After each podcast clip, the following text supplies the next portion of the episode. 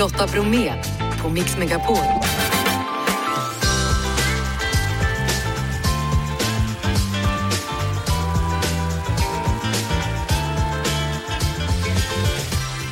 Hallå där och varmt välkommen in till oss denna lillördag. I dagens onsdagsmix, Rolling Stones ger ut ny musik. Vi får en rapport från London och ni hör den nya låten efter halv fem. Skådespelerskan, ni vet hon Alva Bratt från Barracuda Queens, hon gästar oss efter 17.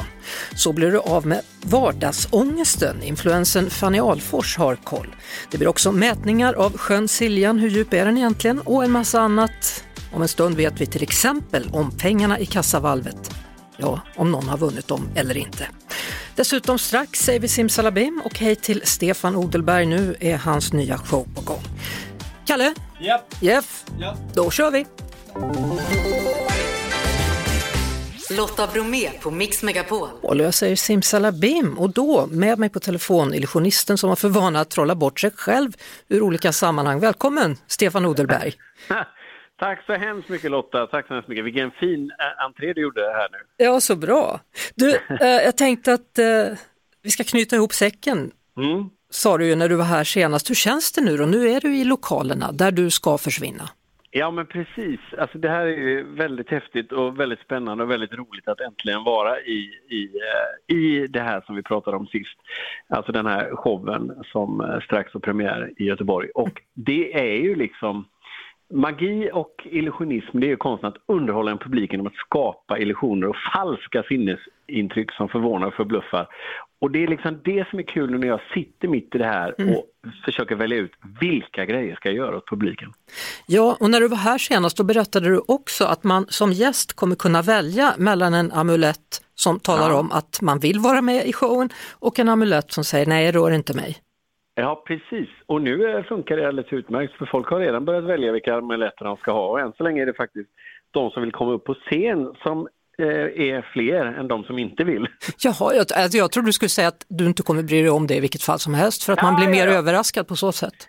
Ja, det har, det har du rätt i, men i detta fallet så måste man kunna lita på mig. Ja, bra. Eh, går det att repetera den här typen av show? Ja, det gör det verkligen. Jag är i min eh, replokal alldeles nu faktiskt och jag har aldrig repat så mycket magi som jag gjort innan för att eh, jobbet som programledare i Bingolotto och så vidare det gör ju att man liksom man, man glömmer ju av lite den sortens magi som man behöver kunna med händerna så att säga. Eh, så jag måste säga att jag har nog aldrig trollat så mycket i min karriär som jag har gjort de här eh, veckorna nu. Ja. Eh, hur är det med barn, får de komma? Eh, vi har 13-årsålder därför att showen är, liksom, den är riktad till vuxna, den är inte riktad till barn men vi tycker att 13 år uppåt då förstår man ironi och man förstår eh, lite andra roliga saker. Men, men det här med att, att du säger, det, liksom, det kommer vara en hel del close-up, man kommer komma ganska nära dig. Det är exakt vad man gör. Vi kommer ju aldrig ha fler än 66 personer i publiken vilket innebär att alla sitter nära för jag vill inte jobba med tv-skärmar och, och, och, och sådär va? utan här är det som att du sitter i tvn, i radion, du sitter inte och tittar på tvn. Nej, jag det kollade, liksom- ja, jag kollade faktiskt för säkerhets skull innan jag började det här samtalet för att se om du var i rummet, men det är du inte. Nej. Nej. Ja, jag du, tittar det nu igen, du är inte här. Det är nästa steg. Nu har jag försvunnit ifrån två tv-program totalt sett.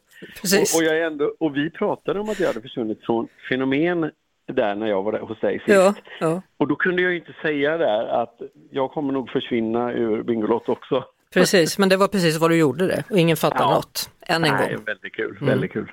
6 oktober är det alltså premiär och sen är det 33 föreställningar då till att börja med Ja. fram till den 19 december på Ja, Elite precis. Park Avenue Hotel i Göteborg. I Göteborg. Ja. Stämmer alldeles utmärkt. Det är väl bara att säga simsalabim då så försvann du. Tack. Lotta Bromé på Mix Megapol. Jag vill riva upp himmel och jord heter boken av Marie Lok Björk. Välkommen hit! Tack så mycket. Ja, din bok handlar om Elise Ottesen Jensen, mer känd kanske som Ottar, som levde i slutet av 1800-talet och början av 1900-talet. V- Vem var hon, för den som inte har koll? Hon var ju den som eh, grundade RFSU. Det är nog kanske det som de flesta känner till. Men eh, jag skulle också säga att det är henne vi har att tacka för att vi har fri abort, eh, att preventivmedelslagen avskaffades så att man fick informera och enklare tillgång. Men också kämpade hon för att homosexualitet skulle avkriminaliseras och att vi skulle få obligatorisk sexualundervisning i skolor. Så hon har gjort så, så mycket. Ja, ja. vad var det som gjorde att du kände att men henne vill jag skriva om? Alltså, det hade ganska mycket att göra också med min eh, förra roman, eh, Att välja ett liv. Eh, där så skrev jag ju eh, faktiskt om min släkthistoria och om en kvinna som gick från att vara ganska välbeställd till att bli statare och mycket då på grund av att hon blev gravid. Eh, och det här var på 1920-talet som det utspelade sig och då kom jag ju in på Elise Ottesen Jensen väldigt mycket. Eh, så när jag skulle skriva då nästa bok så kände jag bara att jag måste få grotta mig in mycket mer i Elises liv. Är det skönlitterärt eller ska man läsa den som en biografi? Nej, det är en roman, verkligen. Eh, så ja, inte läsa som en biografi men man kommer få väldigt mycket med sig. Mm. Ser du mer likheter eller fler skillnader med hur kvinnor kämpar för sexuell frihet idag jämfört med då? Hur långt har vi kommit? Alltså, vi har ju kommit väldigt långt om man jämför med, med den tid som, som jag gestaltar, absolut. Eh, men tänker också mycket på eh, prostitution, våldtäkter som fortfarande sker, alla organisationer som, som jobbar för de frågorna. Alltså, det behövs ju verkligen fortfarande eh, jättemycket mer eh, att göra men, men det vore ett, ett hån mot de kvinnor och öden som jag gestaltar i romanen och säga att det inte har kommit någonstans. Mm. Eh, samtidigt kan man kolla på vissa länder då. i USA är det många som ja. menar att där är man verkligen på väg tillbaka vad gäller ja. de här frågorna.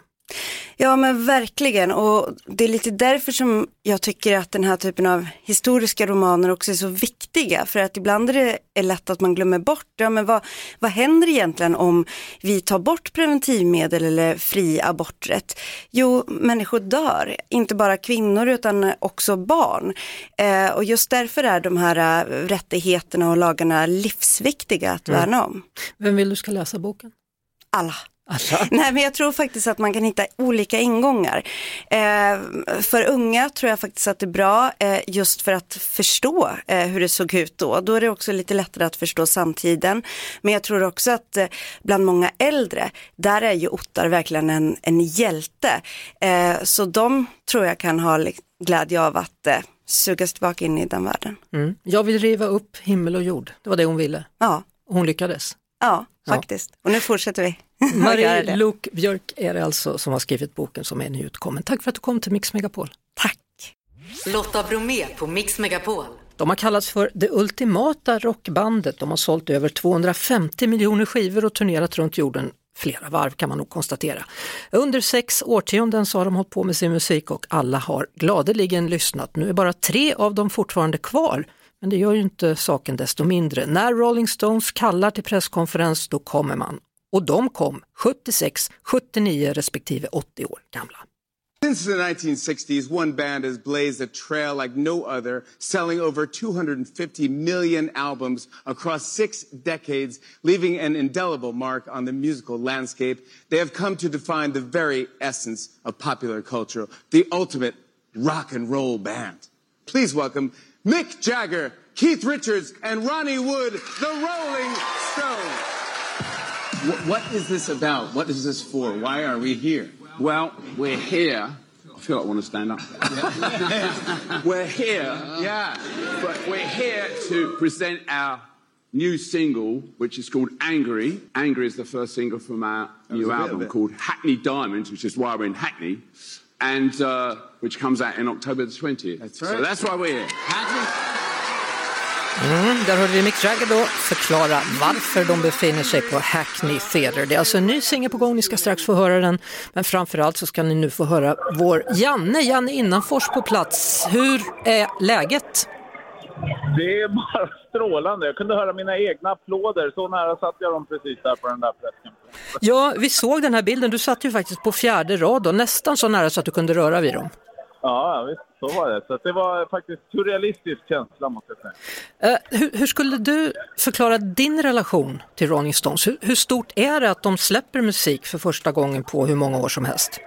Ja, så sist de släppte egen musik var 2005, så det var jätte, jättelänge sedan. Ja. Eh, och eh, det, är ju, det är ju stort. Det är lite som Jimmy Fallon sa där också sen efter att eh, när Rolling Stones gör någonting så gör de det stort och det blir stort. Det här sändes ju världen över liksom live i en halvtimme och så drar man liksom dit en kille som Jimmy Fallon från New York till London bara för att säga det. Ja, Hackney Diamonds heter alltså albumet som kommer den 20 oktober och det är alltså 18 år sedan som Rolling Stones då släppte musik senast.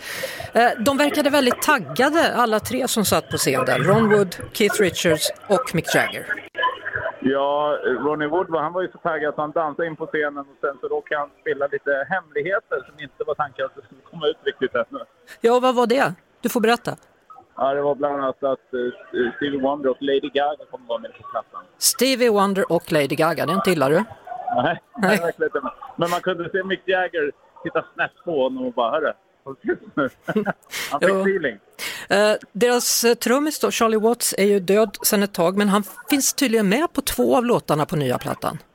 Stämmer bra det, de har sparat in det och uh, de pratar även om det att han fortfarande är med dem. Och den nya trummisen då som jag faktiskt inte kommer ihåg namnet på men Eh, det var ju Charlie Watts själv som hade sagt om någonting skulle hända mig för massa år sedan sa han där till dem, då, då vill jag att ni plockar in honom. Så det är på hans sista önskan.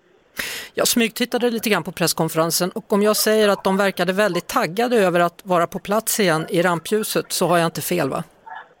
nej, det är till och med så jag blev taggad. Så att, eh, ja, nej, verkligen inte. Mm. Hur, hur, funkar det i det där läget? Är det bara Jimmy Fallon som får möjlighet att prata med dem? De tar sig in på scenen och sen försvinner de? Eller hur, hur går det till? Eh, nej, precis så är det. Det är väl vissa speciella som har fått lägga, men eh, det är Jimmy Fallon som ställer frågorna och vi satt väl mest tittade som åskådare och applåderade. Men mm. det tyckte jag var häftigt nog. Ja, jag förstår det. Jag, jag måste bara fråga, alltså, när de kommer in, mm. känslan då, är det overkligt eller? Ja, det har ju snackats om att de ska vara aliens. Eh, och nu med det här med USA som har bekräftat aliens eller liknande också, så så sen, jag vet inte, kanske. De springer in och dansar. De är liksom över 80 år gamla. Jag tycker det är magiskt. Ja, det är som ABBA och Avatarerna vet du. Allt händer i London dessutom. Uh, sköt om det då, Janne. Vi ska lyssna på nya låten. Vad tycker du om den förresten? Jättehärlig. Det känns jättefräsch. Uh, musikvideon kan jag rekommendera folk att titta på också. Jag tittar faktiskt hon skådespelaren här nu puben bredvid och eh, diskutera lite vad som hänt med mer den här musikvideon. Och den var riktigt cool för där har de med så gamla videoklipp från när de var yngre som de liksom klipper in. Och, äh, den var riktigt häftig. Mm, och så är, det hon, så är det hon skådespelerskan då från White Lotus som är med där också. Precis, en, en serie som du gillar Lotta. Absolut, så gå och snacka med henne lite och ta med lite ljud hem så hörs vi imorgon. Ja, det gör vi. och då ses vi också. Ha en, en bra resa hem. Tack Janne för att du ville vara med från London. Lotta Bromé på Mix Megapol. Nu ska vi prata djup i vattnen. Sjön Siljan i Dalarna är enligt de nuvarande officiella mätningarna Sveriges nionde djupaste sjö, men det kan vara på väg att ändras. För Bernt Pettersson från Siljansnäs, han var ute med sin båt och då visade ekolodet helt andra grejer. Hallå Bernt, välkommen! Ja men tack! Ja, hur upptäckte du att det inte riktigt stämmer med de här djupen vad gäller Siljan? Ja, alltså det var ju en ren olyckshändelse att vi åkte båt över den djupfåra som finns i Siljan där man också har de högsta djupen, 134 sedan tidigare. Så att det var en olyckshändelse att ekolodet dök ner på 142 plötsligt och det tyckte vi var spännande. Så vi åkte dit tidigt i juni i år med bekanta och deras ekolod och upptäckte att det var 149 meter faktiskt. Oj! Det är ett ganska lokalt ställe så att det varierar väldigt mycket. Ja, hur kommer det sig att du har ett ekolod som går så djupt? Är det normalt det? Jag vet inte så mycket om ekolod, om det är normalt inte, men eh, den fungerar ju. Ja, verkligen.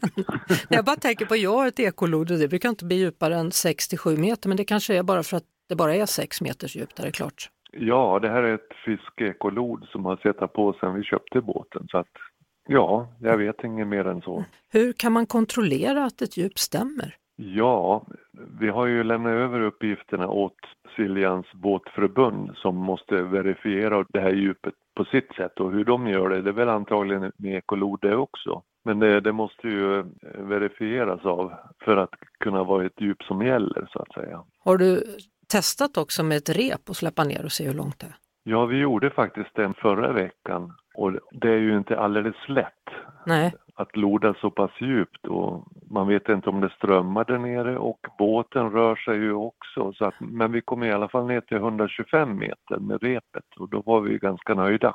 Ja, det var väldigt, alltså hur ofta tänker du på det här djupet? Ja, jag, jag har ju blivit påminn av alla som vill veta och, och Ja. av dig till exempel som ringer. Men eh, vi är ju inga djupsökare sådär utan det var ju som sagt en ren olyckshändelse Mm. att vi stötte på det. Men eh, vi hoppas ju på att det här djupet kommer med på kartan. Om du nu är ute och fiskar där, vad brukar du få för något? Ja, jag fiskar inte. Du har bara en fiskebåt, Kort svar. du har bara båten. ja, jag ser bara fiskarna på ekolodet, då piper det. Om det nu kommer något liknande Loch Ness eller ett storsjömonster, man vet ju aldrig när det är så djupt. Mm, då ringer du igen va? Ja, eller är det du som ringer mig för du träffar väl det först tänker jag. ja, okej. Ja då. Eh, Ja, vi får väl se. Vem vet vad som göms där nere? Nej men på riktigt, vem vet? Ja. Ja. Nu vet vi i alla fall att det är djupare än vad man har trott. ja, det är ju det.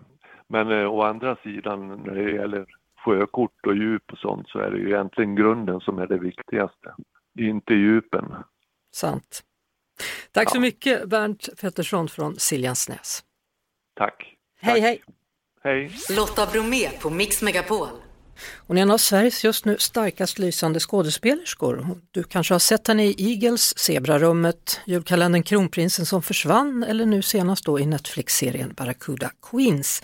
Varmt välkommen till Mix Megapol, Alva Bratt. Tack snälla. Ja, det var ju ingen dålig lista du. Nej, verkligen inte. Och det var en liten del av allt som du har gjort. Ja, eller det Ja. lät som allt. Nej, det är inte allt. Titta, jag har tre papper här. Jag har valt ut liksom Du har. IMDB där. Mm. Ja. Så kan det vara. Du, grattis till Kristallen för julkalendern. Tack snälla, det känns jättekul. Ja. Ja. Var du med liksom när den gick och öppnade lucka för lucka? Alltså om jag tittade, Mm. absolut. Alltså det- jag tyckte den var jättebra. Ja, det var Ja. den. Men Ja. satt du, kunde du liksom öppna en lucka Öppna i taget? Ja, Eller? ja, jag öppnade inte i förväg. Var, var du så när du var liten också? Titta på Ja, julkalendern? Ja, och jag har aldrig varit en sån som liksom rafsar upp alla luckor direkt. För jag hade vänner som var det, det pajar ju hela grejen. Ja. Ja. Hur, hur är det när du tittar på serier? Eh, tålmodig. Så Eller- du, du tar ett, ett avsnitt i veckan? Nej, nej, nej, gud nej. Nej, där river du upp kalendern. där river jag upp kalendern. Och va- Varenda avsnitt? Ja, Ja. Eh, Hur, hur funkar det? Har du alltid älskat att skådespela? Ja, alltså jag, har- jag har alltid varit intresserad av det. Sen började jag liksom utföra det ganska sent. Jag var, jag var först 16, tror jag, 15-16 när jag började ta teaterkurs och sen började på skola där man höll på med teater. Mm. Men jag har alltid varit en nörd och här intresserad och, av både film och teater. Vad har du för favoritfilm? Favoritfilm? Mm.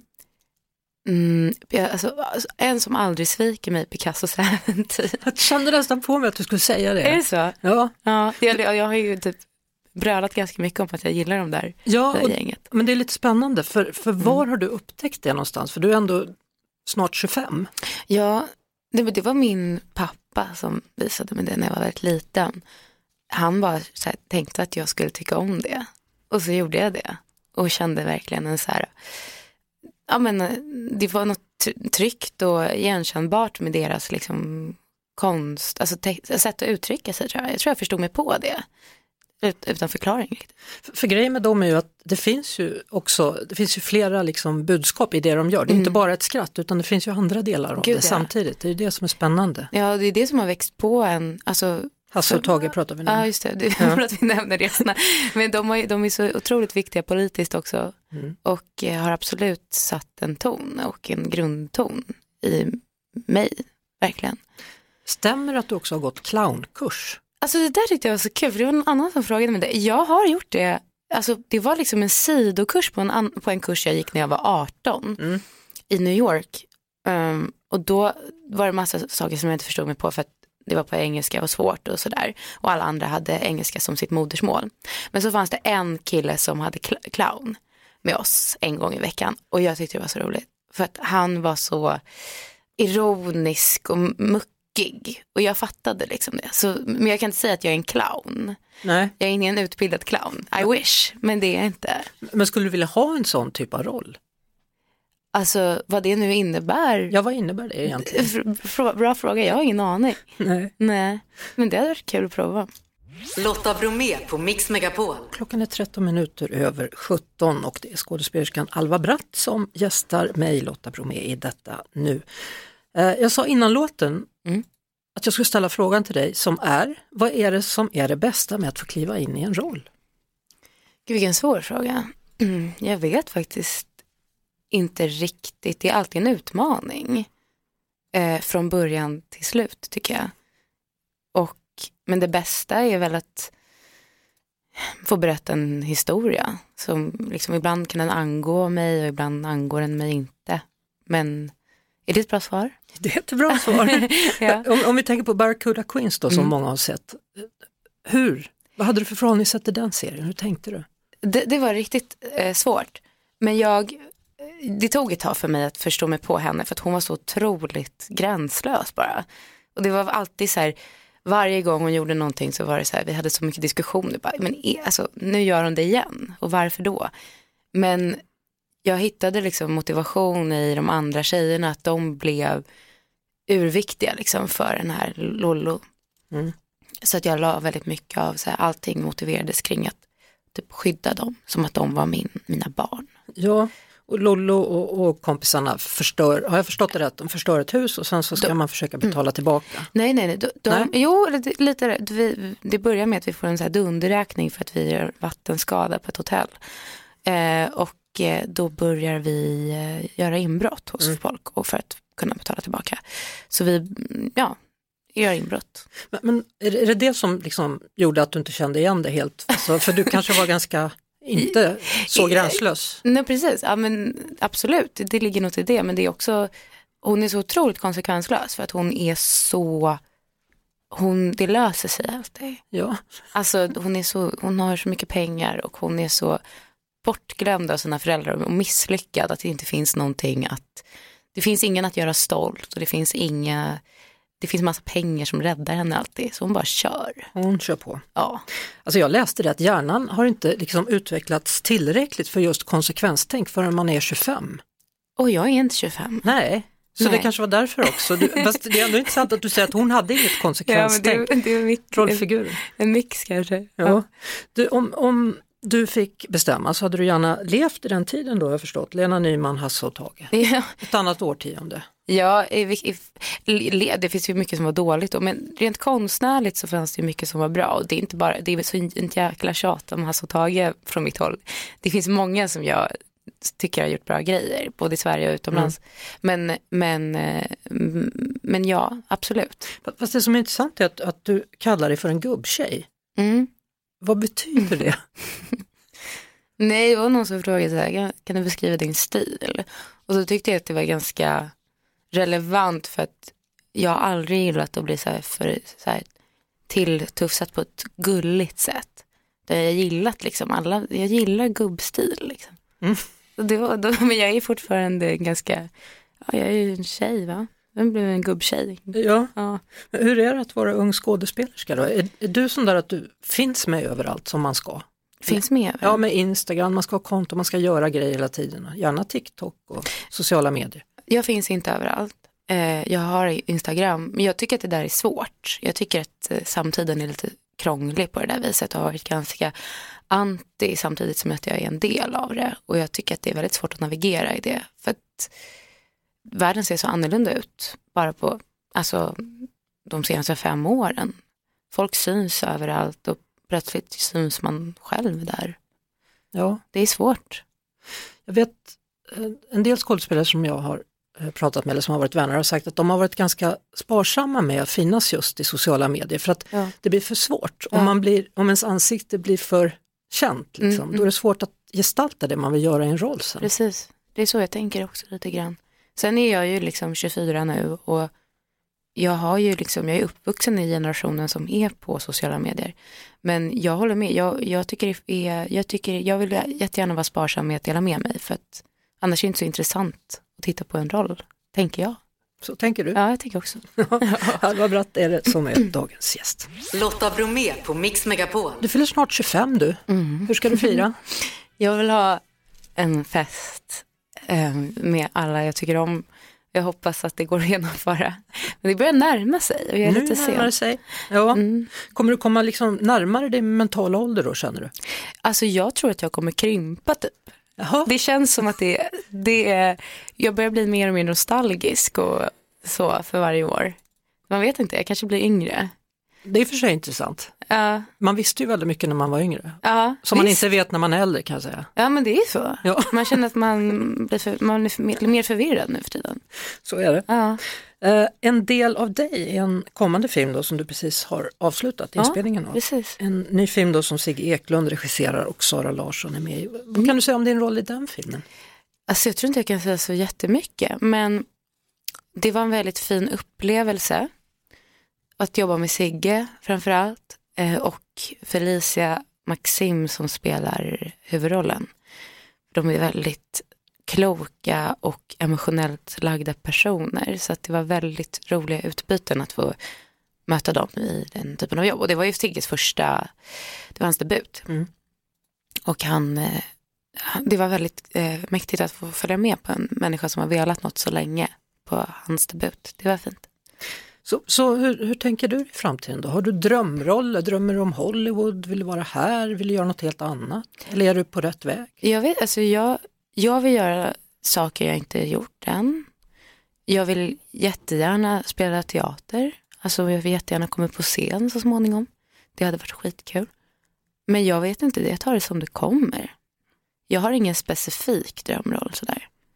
Utan bara så länge för det som verkar intressant för stunden.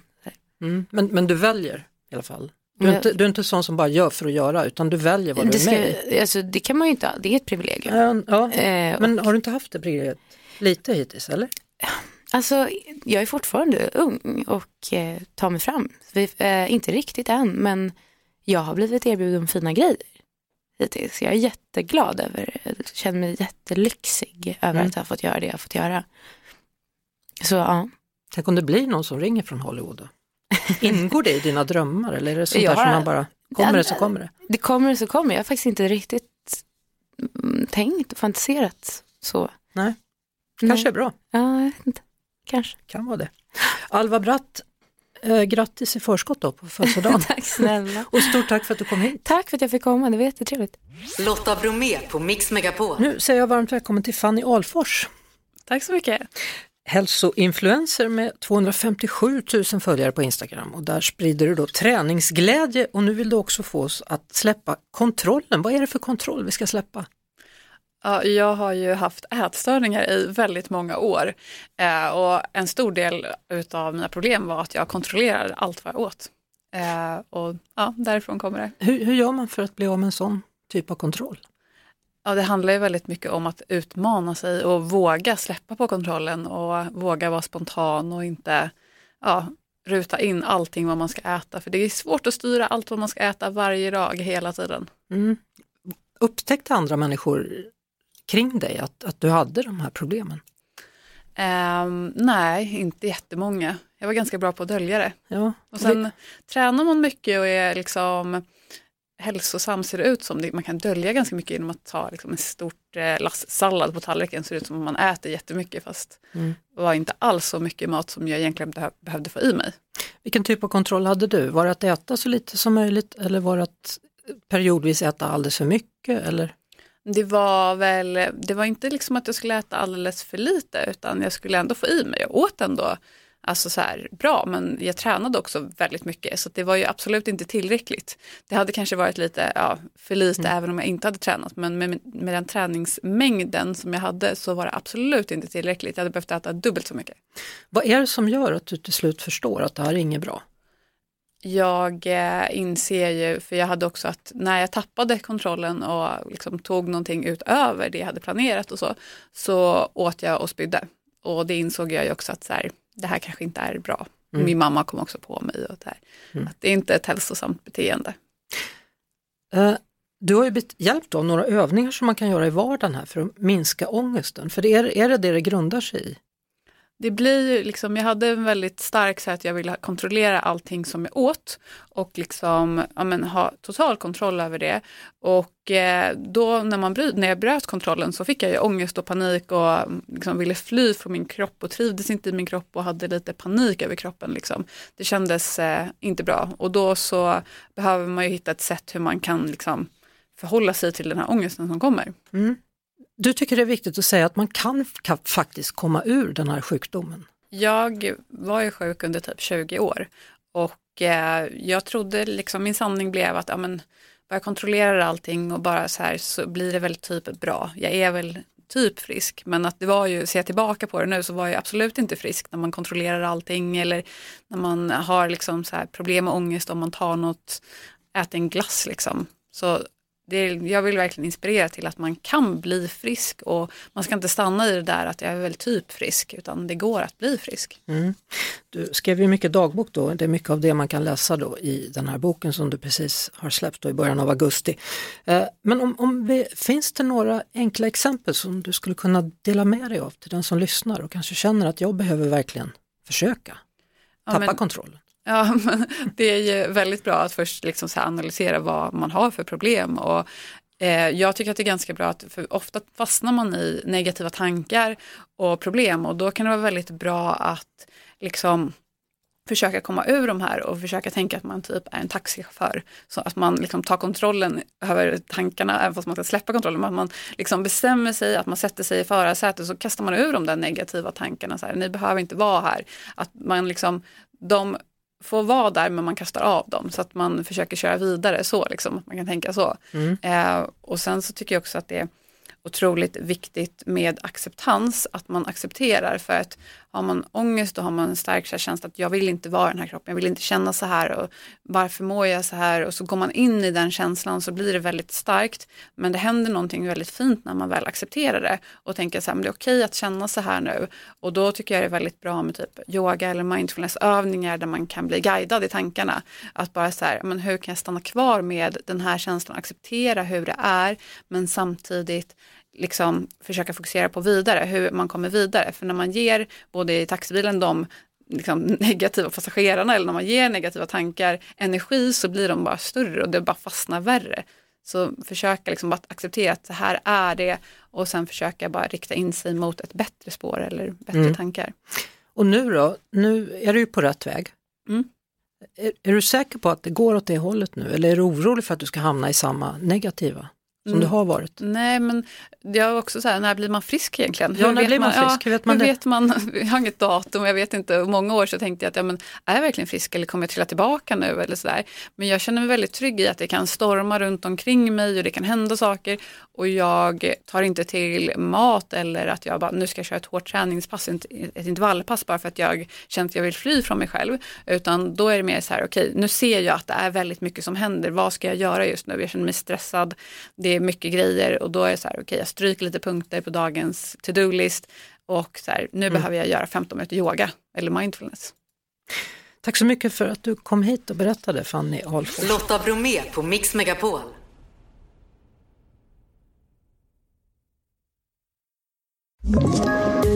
Poddtips från Podplay. I podden Något Kaiko garanterar östgötarna Brutti och jag, Davva, dig en stor dos skratt. Där följer jag pladask för köttätandet igen. Man är lite som en jävla vampyr. Man har fått lite blodsmak och då måste man ha mer. Udda spaningar, fängslande anekdoter och en och annan arg rant. Jag måste ha mitt kaffe på morgonen för annars är jag ingen trevlig människa. Då är du ingen trevlig människa, punkt. Något kajko, hör du på podplay. Därför är gardinerna.